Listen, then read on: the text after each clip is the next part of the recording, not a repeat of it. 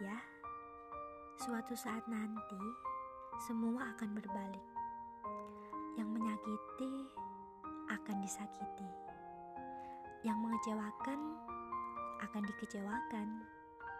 Yang mengkhianati akan dihianati.